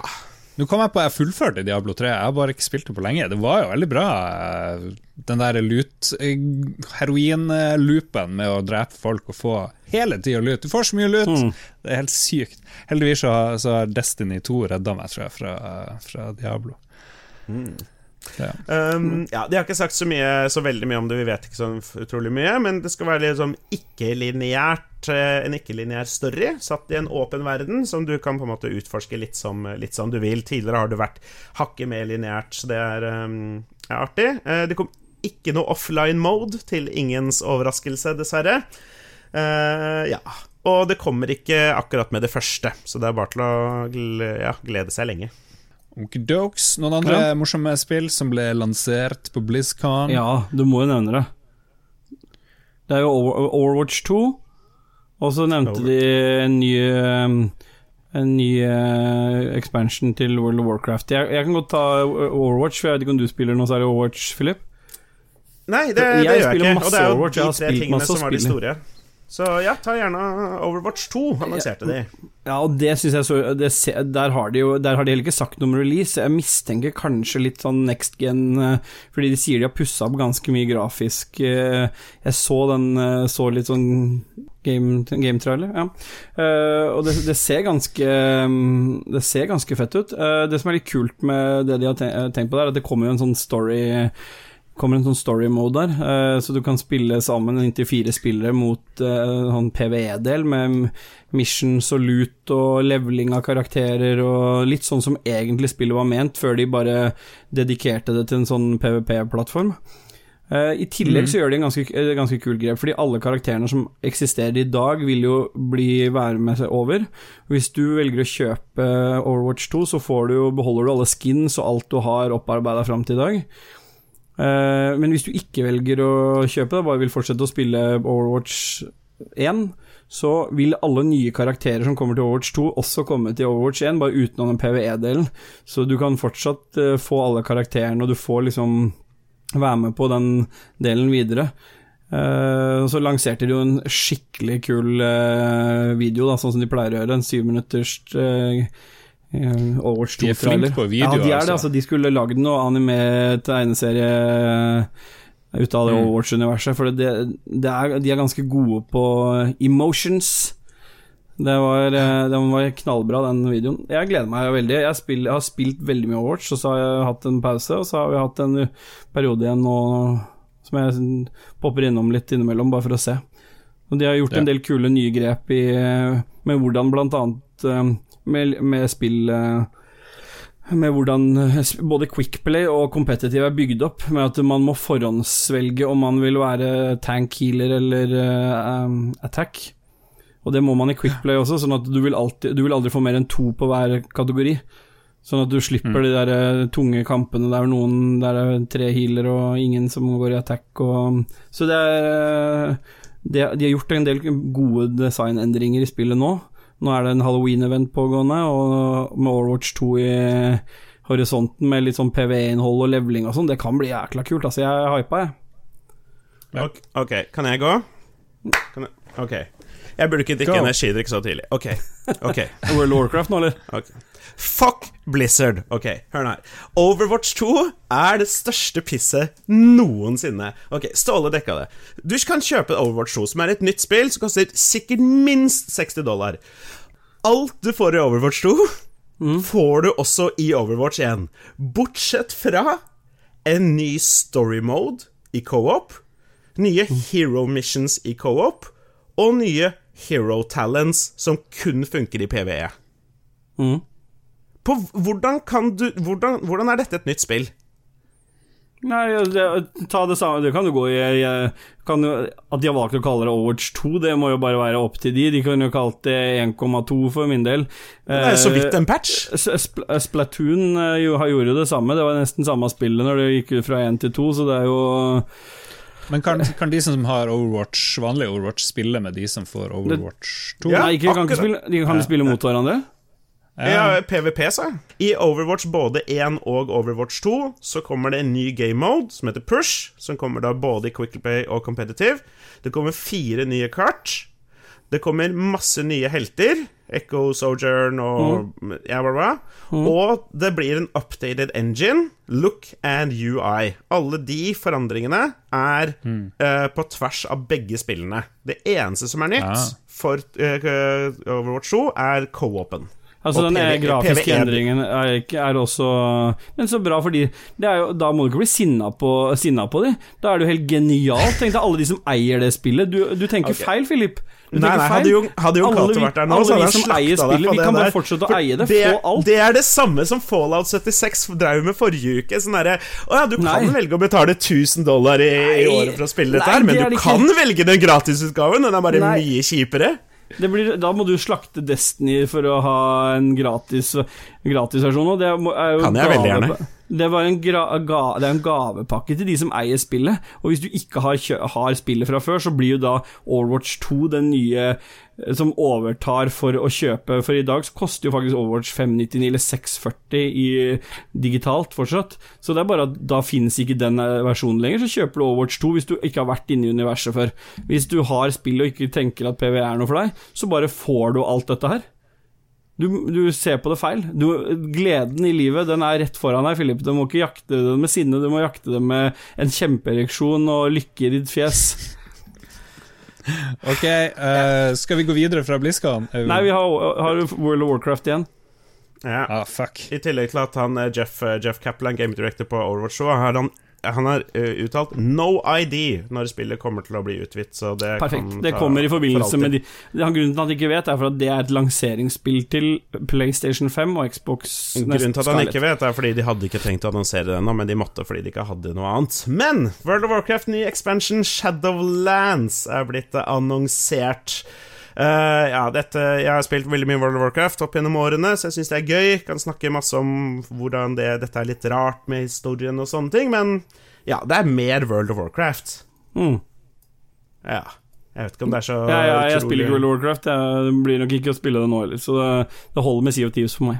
World of Warcraft Shadowlands er eh, en expansion hvor Sylvanas, som har vært en eh, horde eh, frontfigur i, i, lang tid, eh, min favorittkarakter i kanskje hele serien, plutselig har blitt kjempeslem og samarbeider med en eller annen kjempeslem fyr for å åpne en dør til en ny dimensjon, dødsdimensjonen, og inn dit skal vi da i neste i neste, neste expansion. Um, det er ikke sånn utrolig mye interessant å, å, melde om det derfra, bortsett fra at ja, det er noe artige ting for law for de som er interessert i det. Og så har de jo jeg lurer på om level cap i dag, altså så langt du kan levele, er til 120 i den nyeste expansionen. Og de skal nå skal de trøkke alt det sammen, og dette er faktisk litt stilig. Uh, ny level cap vil være level 60. Så når du starter en ny figur, så spiller du eh, startnivå, liksom startområdet, fra 1 til 10. Og så kan du velge hvilken expansion du vil spille for å levele fra 10 til, 10 eh, til 50. Eh, og det er litt artig for mange av oss som har spilt World of Warcraft opp gjennom tidene, og veldig mange av dere som kan tenke dere å prøve det, men, kan, men gjerne skulle spilt noe litt spesifikt. Mm gir mye mer replay value også, for alle som har lyst til å spille ting på nytt igjen. Så det er en uh, veldig artig ny forandring, og de må nesten gjøre noe siden det spillet tross alt er veldig gammelt. Så ja, der skal de få en Fuck liten tommel opp. Nei, jeg bare skulle ta en Philip Rant, men jeg var ikke like god. Jeg har noe Nei, jeg har, har ikke noe som helst. Jeg er bare glad. Har, har du noe innhold, eller er det bare form? Det er bare sånn som med meg. Mye form og lite innhold.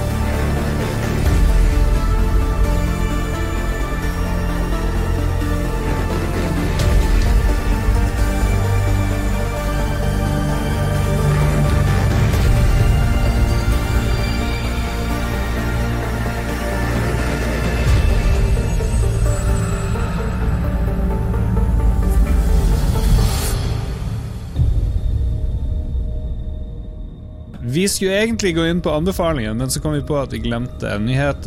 GameStop er varsla nedlagt. Det er en svensk avis som det her stammer fra. Og de mener å vite at alle GameStop-butikkene i Norden skal legges ned. Uh, skal vi se Gamer, uh, vår hovednyhetskanal. Jeg var litt tilfeldig. Uh, 28, 28 butikker i Norge mm. skal avvikles. Det er ganske mange. Kan jeg um, gi deg litt og det er veldig synd, syns jeg, for det er vel det eneste spillbutikkjeden sånn, sånn landsdekkende som fins. Mm. Så jeg syns det er jæklig kjipt. Uh, går ofte innom, kjøper veldig lite. Jeg har jo sett at sortimentet har blitt mer og mer sånne T-skjorte og bobbleheads. Eh, effekter andre enn spill. Fordi, come on, vi kjøper jo stort sett spill digitalt nå, dessverre. Og det er jo et problem i seg sjøl, men det er jo et enda større problem for, uh, for fysiske butikkselgere. Og ja, om 20 år, når vi skal finne frem igjen Destiny 2 så vil jo de, de, gamle fysiske kopiene av Destiny 2 vil jo ikke funke engang, ikke sant? for det er så jævlig mye patching og greier. Så fysisk spill er litt meningsløst uh, i dag, dessverre. Jeg håper jo bare at man klarer å ta vare på de store spillbibliotekene, sånn at vi kan kan, kan, spille de her gamle greiene på et eller annet vis, sånn som vi kan uh, gamle mm. SNES og NES-spill og sånne ting. Det, det, var litt artig at du sa, for jeg trodde nesten du skulle gå andre veien der. Alt jeg på. Når mm. du, liksom, I dag så kjøper vi alle spillene våre digitalt. Om 20 år, når du har lyst til å spille noe igjen, så liksom, la oss si at Steam ikke har tatt vekk det spillet fra utvalget mm. sitt. Da, ikke, da, får du ikke spilt det spillet, da. Men uh, de der fire diskene med Final Fantasy 7 De kan jeg dra fram når som helst, så lenge det er uh, liv i PlayStationen. Så men, men, det er litt som du sier, Lars, det er så mye day one-patcher, så det er liksom De færreste av de spillene ville latt seg starte opp uten at de får en oppdatering, og hvis du da Så det nesten beste du gjør med de gamle spillene, er jo å ha de digitalt, og alltid ha, de, ha den siste patchen som kommer til det, og så ha de på en uh, ekstern harddisk, for da vil du i hvert fall få spilt igjen. Ja, sånn skal ikke Ja. spillhobby være. Men, eh, Nei, men jeg har snakka med GameStop. Norge, da. I forbindelse med dette. Ja. Så jeg har gjort research, og der har de ikke hørt noe. Så det, de, de er like overraska over det som sto um, fra den svenske spillpressen Mm. angående det. Så GameStop Norge har, ikke, har per fredag ikke hørt noe selv om hva, Men er det, om hva det er folk som jobber i GameStop? Nei, I kassa, det- liksom? Eller er det for, Har du snakka med Ja, liksom? ja, det blir leder på én butikk, ja. Ja, Men det er likevel research mer enn vi pleier å ha i Lolbua. Ja, det var veldig, Ja. veldig bra gjort. Så fra de, deres ståsted så har de på en måte ikke hørt noe om det. Det som sto i art- artikkelen, er at det skal skje gradvis i, en- over et, det neste året. At butikkene skal forsvinne. Det er vel 400 et eller annet butikker i hele Norden, og så er det 28 av de her i Norge. Jeg er enig med Lars, det er litt trist, fordi det er noe med å kunne ha en sånn Men jeg tror kanskje det er mer trist av sånn nostalgiske grunner enn at vi faktisk bruker det nok til Det er jo derfor de ikke Ja. Ja, for det er jo som Lars sier, han går jo inn der mye og titter og sånne ting, men Mm. kjøper jo aldri noe. Nei, men spill til 700 spenn, det er jo dyrere der vet du, enn det er eh, på digitalt. Nei, det er jo billigere i butikk. Ja, ofte, er det, ja, det er riktig, men ikke på GameStop. Det er, det, det er der GameStop har slitt. For Elkjøp har jeg ofte solgt de til 499 og sånn fordi at de skal ha et marked der, men GameStop har på en måte likevel gått for en margin på tingene sine, har de tenkt Ja, okay. sjøl. Så der er det et De har lyst til å tjene penger. Ja, og det skjønner jeg jo, men da Ja. Nye spill pleier ikke å være så veldig dyre, egentlig. På ja. GameStop, sånn i forhold til andre steder. Nettopp fordi at der hvor de har eh, Jeg har jobba på GameStop i mange år. Eh, drev med butikk nede på Aker Brygge. Og, mm, og der hvor de tjener pengene sine, er på brukt spill. Der Mm. er marginene enorme. Så det er der Mm. på en måte alle, all cashene ligger. Men eh, det er ikke Bare for å starte med det først, det er ikke noen enorm overraskelse at dette skjer, dessverre. Eh, Nei. bare Nei. sånn vi har brukt og forholdt oss til spill over mange år, burde tilsier at dette her burde skje, på en måte. Og Mm. eh, Ja, nei, det det er ikke noen overraskelse på noen måte, men at det er trist, det syns jeg at det er. Det er en veldig sånn gammeldags romantisk side av meg som syns dette er Mm. så utrolig kjipt. Fordi liksom, Ikke bare fra da jeg drev butikk selv, men også det å være når jeg var litt yngre. Det å gå inn i butikk og liksom kanskje snakke med folka som jobber der, om spill og hva de har liksom gjort og testa, og liksom titte Mm. på spill og bare gå og bla og liksom bare titte på ting, og, og kanskje til og med kjøpe et spill, da. Og så liksom, jeg husker jeg husker da Final Fantasy 12 kom ut. Jeg kjøpte det, og så satt jeg på T-banen hjem og så drev jeg og bladde i boka. Og liksom Jeg var så hypa for å spille dette spillet. Og liksom Alt det er jo helt borte. Og ja, jeg, jeg godtar at det kanskje er en del av meg som bare er så gammeldags romantisk som kommer til å savne dette, fordi det er digg, digg å bare trykke på last ned, installere og så spill, men uh, det er trist. Det er det.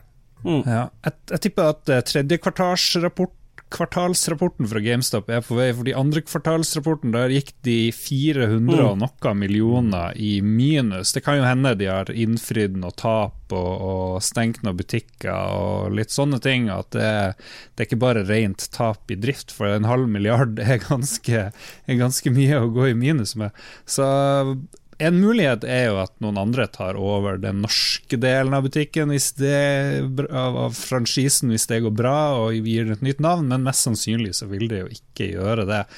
Det er vanskelig å se at det skal komme noen sånn retro-LP-bevegelse for spillene som de kan, kan tjene noe på. Men Bare cartridge. Cartridge. Bare cartridges. Foretrekker Det er mye bedre lyd på cartridge. jeg vil, ha, men, jeg vil ha alle min nye musikk Jeg vil ha på kassett. Vil jeg ha nå. Men Jeg det, elsker å er, spole. men, det, men det er noe med det at her i Oslo så var det Nede i sentrum så var det ja, fem-seks GameStop-butikker der for eh, ti år siden, når jeg jobba der. Eh, og det var Byporten og Gunerius, og det var en i sentrum, gigantisk en i sentrum, og på Aker Brygge og sånne ting. Og det, det var masse av de, og det var et godt marked og alt mulig, og det var litt sånn eh, et, et, det som var gøy med å være på Aker Brygge, er at veldig mange som dro For de som ikke bor i Oslo, det er en båt som går ut i Nesodden, der hvor mange bor. Og de må vente på den på Aker Brygge, og da går de gjerne og titter i butikkene. Og etter hvert så klarte jeg å skape, med, skape en greie om at hvis du var eh, en Hvis du var foreldre i Oslo og skulle kjøpe spill til barnet ditt og ikke hadde noen idé om hva du skulle kjøpe, så gikk du på GameStop på Aker Brygge og så spurte du etter Philip. Fordi han fiksa det, på en måte. For det var noe jeg liksom eh, Det var noe jeg bare klarte å få peiling på. I stor grad bare anbefalte jeg New Super Mario Bros. og Lego-spillene. Det var veldig enkelt. Men de foreldrene syntes det var kjempefint og blei så imponert og alt mulig. Så det ja, Veldig koselig greie som man nå dessverre, dessverre mister. Jeg skulle si noe lurt, men så glemte jeg det. Jeg foreslår at vi bare kjører på og snakker om anbefalingen. Vi skal anbefale noe. Vi anbefaler hver uke et eller annet gøy og fint som skal gjøre livet ditt bedre. Det er ikke lov, helst, for de andre i redaksjonen å kritisere Mm. det som nå skal komme frem. Det skjer dessverre for ofte, spesielt når jeg anbefaler tannleger og litt sånne ting veldig lokalt i Harstad. Men jeg kjører på. Min anbefaling er, fordi jeg reiser så sykt mye for tida, er å være smart på Gardermoen når du skal hit eller dit. Jeg må ofte til Gardermoen via når jeg skal til Moss eller til Fredrikstad eller wherever, og da er det liksom noen triks som gjør livet ditt bedre. Og jeg er litt spent, fordi du har jo jobba litt på Gardermoen, Philip, så jeg lurer på om du har noen sånn inside tips. Men vanlig noob-feilen folk gjør, er jo å være nede i den gamle avdelinga. Den hovedgreia hvor det er ufattelig dårlig akustikk, masse bråk hele tida, og du blir sliten bare av å stå der. Og så har de liksom de har, de har kanskje fått det med seg, men de har ikke fått med seg den nye C-terminalen, hvor det er eh, mye roligere eh, sånne gode lenestoler plassert rundt omkring, og en slags sånn relax-avdeling rett ved siden av rulletrappa, hvor du kommer opp der. Og det, det, der er det USB-lademuligheter, og det er alt mulig rart, og en kiosk i nærheten. Det er ikke, det er ikke noen store restauranter der oppe. Et annet tips er å ikke spise på de restaurantene hvis ikke du må. For det, det er sånn hit and miss.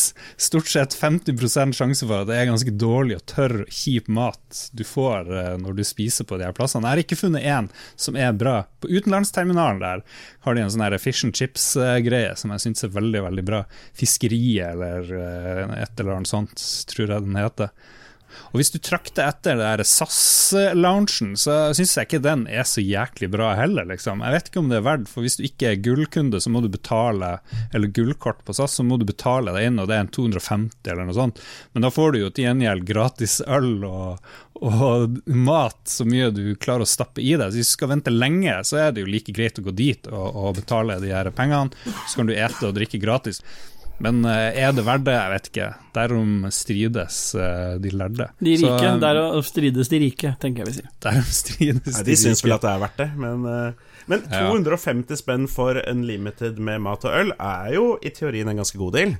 Ja, Nå kan det hende det blir dyrere siden jeg for lenge siden var og betalte, så ta det med en eh, klype salt. En, et annet stort problem på Gardermoen er jo de elendige toalettene. Det er ganske skittig, bokstavelig talt, toalett. De er ganske små, veldig mange av de. Du har sånn to, to avlukker og så et par knøttsmå, en liten sånn avdeling for urinal. Da er den beste ideen å gå ned i underetasjen, Kjelleren, ja. i kjelleren, ved sikkerhetssjekken. For der er det litt større, litt roligere. De har et svært fint uh, handikap-toalett som du kan driste deg til å bruke hvis du er litt asshole, som du kanskje er av og til.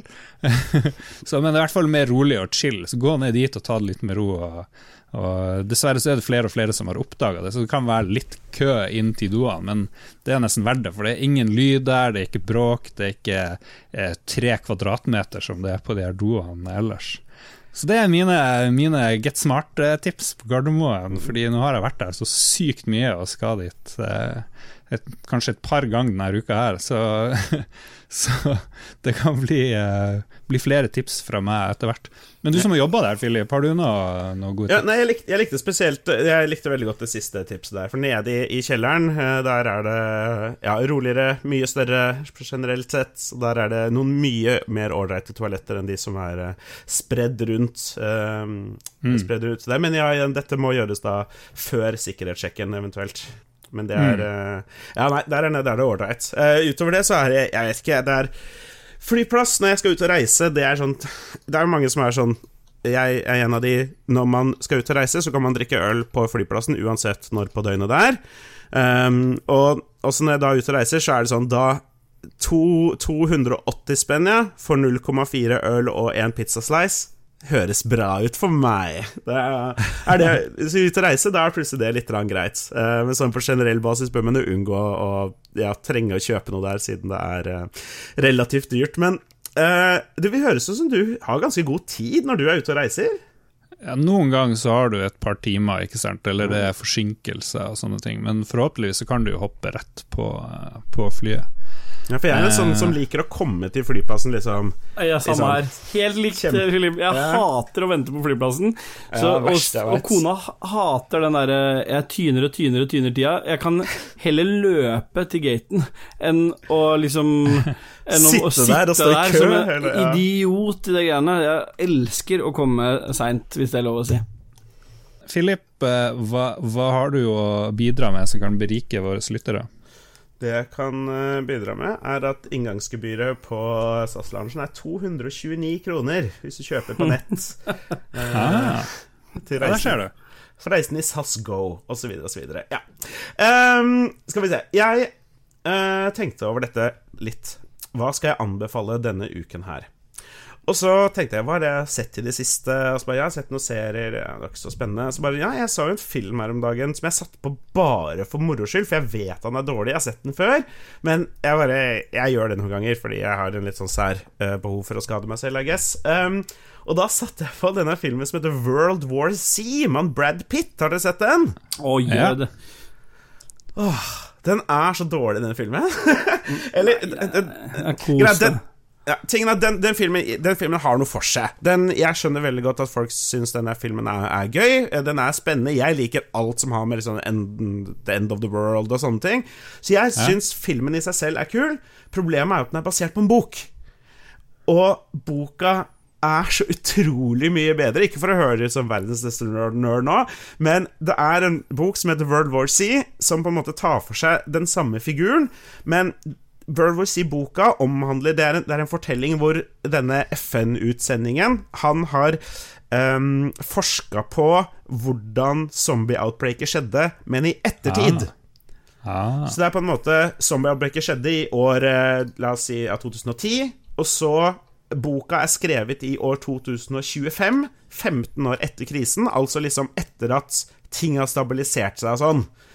Og så liksom, ja, hvordan det, det første outbreaket kom, hvordan det spredde seg, hvor, hvorfor Israel klarte seg så bra, hvor langt nord man måtte, og så sto det masse om hvordan man slåss mot de og sånne ting, og det er skrevet på en måte som, som faktisk gjør det liksom semirealistisk å leve seg inn i at det har vært en zombie-outbreak som bes, faktisk beskrives. Det, det, er, det er en veldig, veldig artig bok. Er du fan av Walking Dead-serien? Eh, ja, til en viss grad. Um, uh, der uh, også, som en ekte nerd, så er jeg mye mer fan av tegneserien enn av TV-serien. Um, eh, og det gjorde at jeg datt av TV-serien på et tidspunkt. Spesielt liksom, allerede i andre sesong så ble det utrolig langdrygt og kjedelig, syns jeg. Og det gjorde at det var Selv når jeg så det, har sett det senere, det har tatt seg ganske opp, men det er fortsatt Ja, det henger litt igjen, da. At, mm. at det ikke er like godt som, som tegneserien.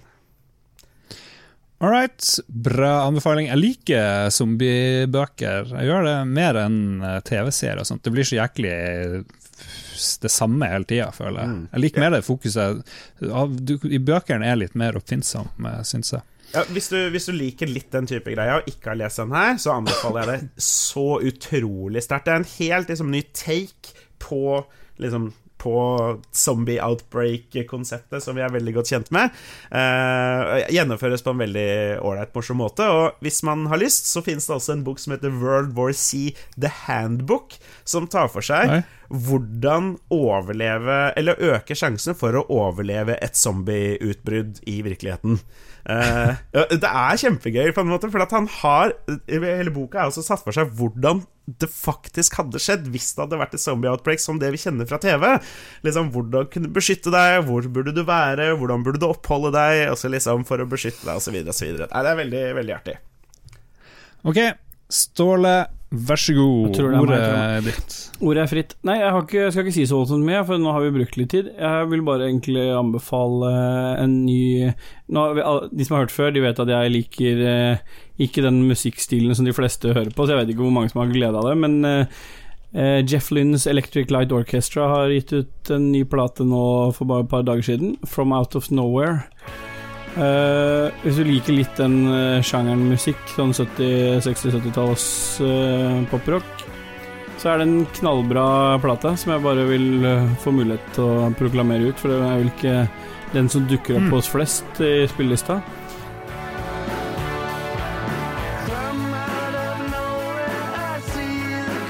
Det er veldig sånn typisk Veldig sånn Du kan kjenne igjen det lydbildet godt fra eh, Jeff Lynns For Jeff Lynns produksjon, så det, det låter kjent, og jeg, jeg syns den er knallbra. Så eh, jeg skal ikke utdype så mye mer enn det. Hvis du liker musikkstilen, så er den kommet ut og bør lyttes på. Ja, for du liker jo ikke musikk lagd etter 1970, stort sett. Nei, det er riktig. En, ja, Mm. ja. Det er riktig. Da må det ha være basert på 1970. Vi har fått anbefalt Jeff Lynns uh, From Out of Nowhere, mm. eller heter den ELO i Nei. tillegg? ELO Electric Nei. Light Orchestra. Det er bare Ja, det Han det. kaller bandet hele Jeff, Lynn, Jeff Lynns Electric Light Orchestra istedenfor bare ELO. Men plata heter From Out okay. of Nowhere. Mm. Ja. Hva syns du om folk som putter sitt eget navn i bandtittelen? Det er jo liksom? sånn er uh, høy på seg sjøl-folk, da. Det er jo sånn disse gamle artistene er, da. Nick Cave and The Bad Seeds. Ja, eh, ja. ja. Uh, Eh, Philip Tom Petty and The Heartbreakers. C-boka.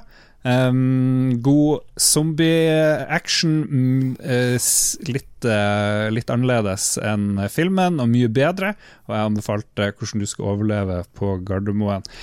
Egentlig så skulle vi ha en lytterspalte, og vi har fått masse innspill fra Lille Gris, men siden vi har holdt på i to timer ish eh, til sammen med alt her, så tror jeg vi bare sparer det til neste gang. Eh, Si fra i eh, vår Discord, som vi anbefaler alle å være med. Eh, du finner lenke hit og dit, eh, ikke minst på Facebook, på vår eh, Entourage. Søk opp Lolbua Entourage, hvor du kan møte oss og andre eh, nerds. Vi har en vanlig Facebook-side, vi har uh, Twitter, og vi har ditt og datt, og Instagram og tjo og hei. Uh, hvis man har lyst til å følge Gjør du masse gøy på sosiale medier, uh, Philip? Er det noen steder man burde følge, deg, hvor du deler sånne viktige tanker? Nei, eller Jeg har en Twitter, slash Philip med F. Den eksisterer. Jeg poster ikke så mye, så det er egentlig like greit, fordi folk har ikke lyst til å fylle opp feeden sin med masse uinteressante ting. Så det lille jeg poster og retyter, er ofte veldig bra. Uh, fil, uh, så Philip med F, altså ikke FILIP, men twitter.com slash FILIPMEDF. Ja. Og Ståle, Mm. har du en egen eh, blogg? Nei, det er bare jeg vi å burde ha følge? 113 har jeg. Ja. Mm. Ring 113 i Oslo-traktene, så får du kanskje snakke Så blir du fulgt opp med meg. Jeg fulgt opp med meg. Ja, Så- veldig bra. Vanligvis ville jeg jo shouta ut uh, Twitch-kanalen min og sånne ting, så jeg har drevet med det, men uh, nå er jo alle aktivitetene her på Lolbua-twitchen, så jeg har lyst til å shoute ut den igjen. Jeg håper å uh, Nå er det jo noe greier som jeg driver og følger med på, men jeg har lyst til å streame mer i kveld, og mer neste uke. Så ser vi at Ståle har tatt grep og får til kule greier med lyttere og patrioner, så det er ikke noen grunn til å ikke følge med på twitch.tv slash lolbua. Absolutt. Så, kan du gå på patrion.com slash lolbua hvis du har lyst til å støtte oss med noen kroner. Da tror jeg vi er ferdige, folkens. Noen siste ord til vårt herlige publik? Stem, stem på Trump. Farvel! Ha det!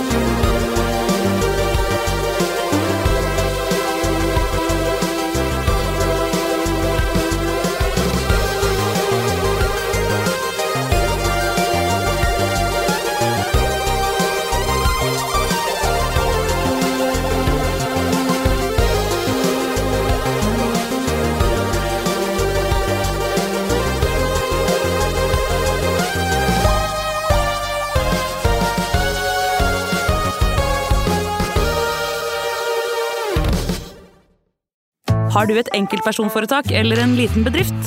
Da er du sikkert lei av å høre meg snakke om hvor enkelt det er med kvitteringer og bilag i fiken, så vi eh, gir oss her, vi. Fordi vi liker enkelt. Fiken superenkelt regnskap.